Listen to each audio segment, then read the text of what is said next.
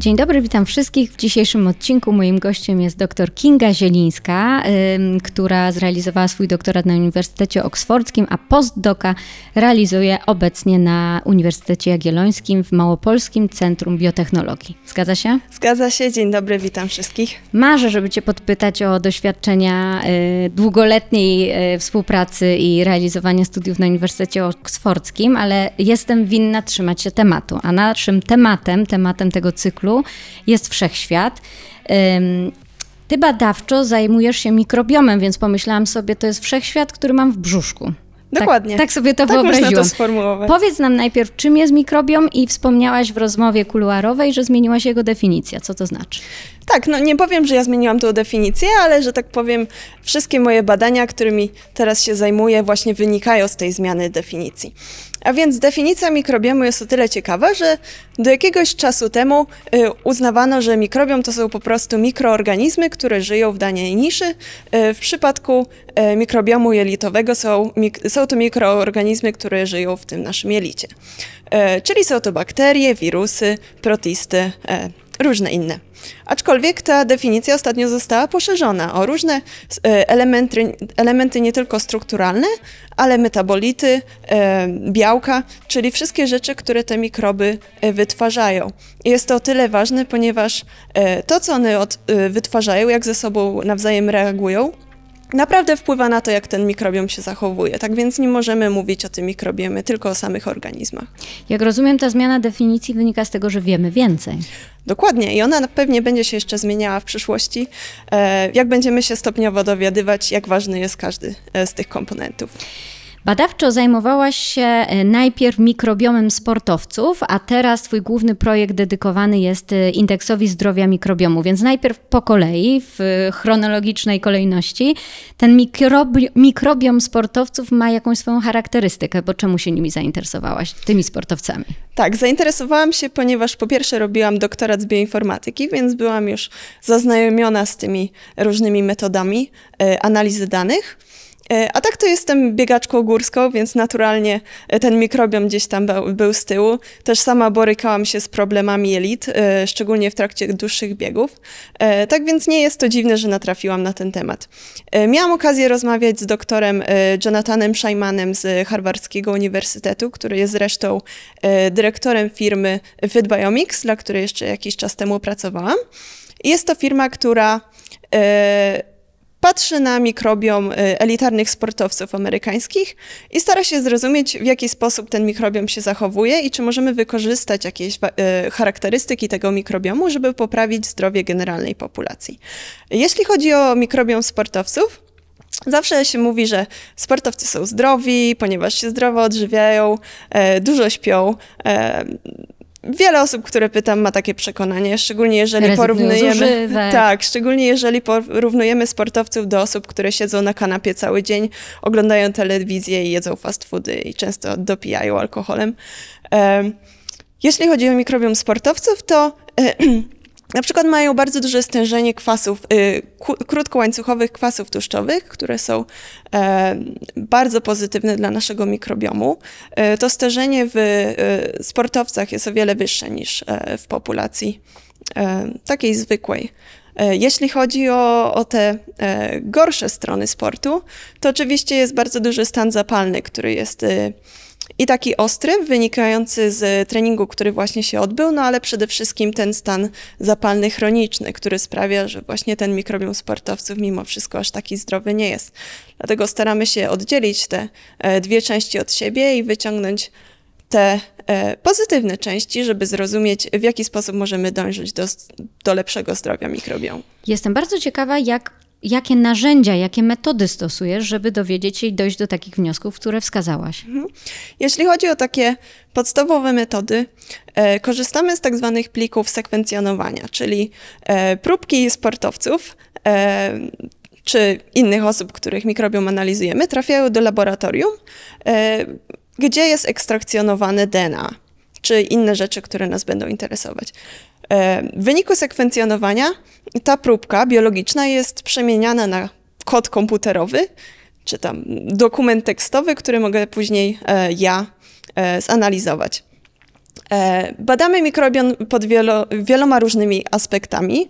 E, patrzymy na zawartość różnych bakterii, ale właśnie patrzymy na te inne komponenty, o których mówiłam na początku, czyli zawartość różnych metabolitów, a także e, budujemy predykcje, które nam mówią o tym, jakie są funkcje tego mikrobiomu. A jakie jest zastosowanie komercyjne tej wiedzy, którą ty posiadasz? Szczególnie myślę na tym etapie, gdy interesowałaś się właśnie sportowcami. Mhm. Przypuszczam, że firma, z którą współpracowałaś, także takie zakusy i pomysły na przyszłość miała albo już je realizuje. Tak, no najbardziej popularnym przykładem zastosowania wiedzy o mikrobiomie są probiotyki, czyli są to tabletki zazwyczaj, e, w których znajdują się żywe kultury bakterii, które mają na celu poprawę jakichś aspektów mikrobiomu. Właśnie Fitbiomics było tyle ciekawe, że nie skupiało się na generalnym zdrowiu, ale e, starało się poprawić e, różne aspekty sportowców. Właśnie zastanawialiśmy się nad siłą sportowców, nad poprawą, dokładnie nad poprawą snu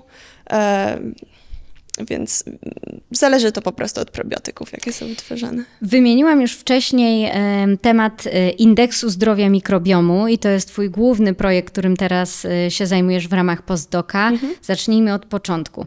Jakiś indeks, tak? czyli wskaźnik, który tutaj będzie nam potrzebny do jakiejś oceny na przyszłość właśnie stanu tego mikrobiomu. Czy dobrze myślę, czy totalnie źle? Dokładnie. Pomysł się wziął z tego, że oczywiście istnieje bardzo różna gama. Yy, urządzeń czy tam wskaźników diagnostycznych, jakie możemy używać y, u pacjentów, żeby określić stan ich zdrowia. Aczkolwiek wiele z nich jest albo bardzo drogich, albo bardzo inwazyjnych. Nawet takie pobranie krwi jednak. Mimo wszystko to krew musimy pobrać, później ma to jakieś e, gorsze odzwierciedlenie na zdrowiu. Jeśli chodzi o pobranie próbki mikrobiomu, no to jest to coś, co naturalnie wydalamy, więc e, nie jest to bardzo kosztowne, oczywiście nie jest to totalnie mm, inwazyjne. E, ceny pobierania próbki mikrobiomu spadają. E, dlatego z punktu widzenia diagnostycznego jest to e, bardzo preferowana metoda. Tak więc indeks zdrowia mikrobiomu to jest e, wskaźnik, czy można powiedzieć e, score. Jasne. e, e, właśnie zdrowia naszego mikrobiomu. To już żargon twój pracowy, więc tak. to jasne. ja też mam zawsze jakieś angielskie słówka. Oczywiście, ten Oxford już wszedł ci w głowę, to jasne. Dobra, czyli y, wyobrażam sobie, że zastosowanie tej wiedzy, czyli stworzenie tego indeksu, no to już ma iście komercyjny charakter. Tak, jak najbardziej. I teraz co jest ciekawe, jeśli chodzi o nasz indeks. E, poprzednie indeksy skupiały się na e, tylko i wyłącznie obecności różnych mikroorganizmów w próbce, czyli znowu wracamy do tego, co mówiłam na początku. Ale w wyniku tego, że ta definicja mikrobiomu się zmieniła i coraz bardziej zaczynamy doceniać te funkcje mikrobiomu oraz interakcje różnych jego komponentów, to także musi być wzięte pod uwagę w indeksie. Dlatego staramy się zmienić sposób, w jaki patrzymy na ten indeks. I tak naprawdę w naszych e, badaniach nie wykorzystujemy już e, tylko i wyłącznie informacji o, o tych e, bakteriach, albo wręcz w ogóle nie wykorzystujemy. Ale parametry, których używamy do opisywania zdrowia mikrobiomu właśnie odnoszą się do funkcji czy do interakcji między bakteriami. Ponieważ ten projekt dotyczący indeksu zdrowia mikrobiomu realizuje w ramach, w ramach postdoka, zastanawiam się, na jakim etapie jesteś teraz i jaki masz plan na przyszłość z tym związany. Mhm. E, projekt ten robię już od mniej więcej pół roku. Jesteśmy na etapie pisania pierwszej publikacji i mamy już pierwszą wersję indeksu, która faktycznie okazuje się być e, lepsza niż te najlepsze indeksy taksonomiczne. E, ten indeks był rozwinięty tylko i wyłącznie na osobach zdrowych, które porównywaliśmy do osób z zespołem jelita drażliwe, drażliwego. Aczkolwiek jak teraz testujemy ten indeks, to widzimy, że działa on równie dobrze na różnych chorobach, jak na przykład na różnych nowotworach czy innych chorobach związanych nie tylko z jelitem. Możesz coś więcej rozwinąć, jak widzisz przyszłość A, tego indeksu? Bo, bo oczywiście. E, jeśli chodzi o przyszłość, no to chcielibyśmy jeszcze bardziej zrozumieć, jak ten mikrobiom działa, tak więc będziemy e, rozwijali dalsze parametry, które opisują ten mikrobiom. E, no i chcielibyśmy to też połączyć z informacjami z innych typów danych, czyli na przykład właśnie zintegrować to z metabolitami, ponieważ e, zazwyczaj ta metagenomika, czyli e, informacje o bakteriach i funkcjach, którymi my się zajmujemy, jest trochę oddzielna od danych metabolitowych, które trzeba później razem połączyć. Masz niesamowite doświadczenie, y, y, jakie realizowałaś na Uniwersytecie Oksfordzkim. Zastanawiam się, ponieważ ośrodków, które badają mikrobiom, jest tysiące, jak nie jeszcze większe liczby. Czym y, charakteryzuje się ten ośrodek, w którym ty jesteś, czyli Małopolskie Centrum Biotechnologii i projekt, w którym jesteś częścią zespołu, a jak widziałaś to na między innymi Uniwersytecie Oksfordzkim? E, myślę, że w obu instytucjach, czy generalnie instytucjach na świecie, oczywiście liczy się to, żeby było dzielenie się wiedzą, a także wpływy z wielu różnych miejsc. E, jestem bardzo szczęśliwa, bo widzę, że u nas na Małopolskim, e, w Małopolskim Centrum Biotechnologii faktycznie ten przepływ wiedzy jest i, i mamy doskonałych naukowców ze wszystkich kierunków świata. E, też myślę, co jest bardzo ciekawe w naszym przypadku, to to, że e, wszyscy razem ze sobą współpracujemy. E, na Oksfordzie nie zawsze są takie sytuacje, raczej jest tam większa rywalizacja. No i też przez to, że jesteśmy jednym z większych instytutów w Polsce, to mamy szansę na dobre kolaboracje z innymi naprawdę dobrymi instytutami, ze Szczecinem, z Warszawą, z Gdańskiem. Uważam, że to jest właśnie bardzo duży plus instytutu, w którym teraz jestem. A z ciekawości dla Twojej tematyki, czyli mikrobiomu. Jakie ośrodki europejskie czy pozaeuropejskie są najistotniejsze? E też kolejna ciekawa rzecz, myślę, że to się bardzo zmienia.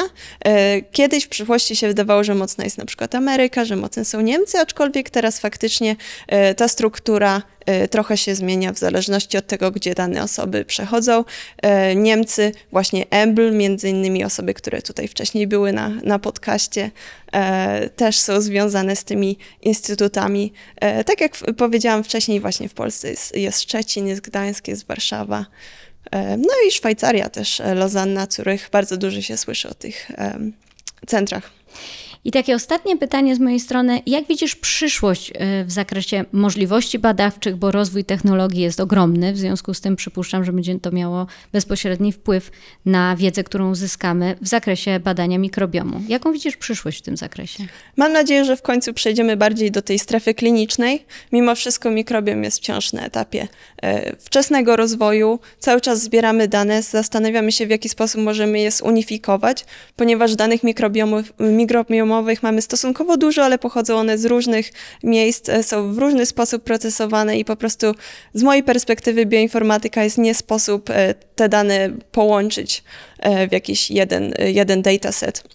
Tak więc jak to nam się uda w końcu załatwić, oczywiście wraz z rozwojem kolejnych metod bioinformatycznych, w końcu będziemy w stanie wyprodukować probiotyki czy inne usługi medyczne, które będą miały takie e, dobre zastosowanie. Super, bardzo Ci dziękuję. Moim gościem była dr Kinga Zielińska, z, m, wiązana i realizująca postdoka na Uniwersytecie Jagiellońskim w Małopolskim Centrum Biotechnologii. Dzięki Kingo. Dziękuję.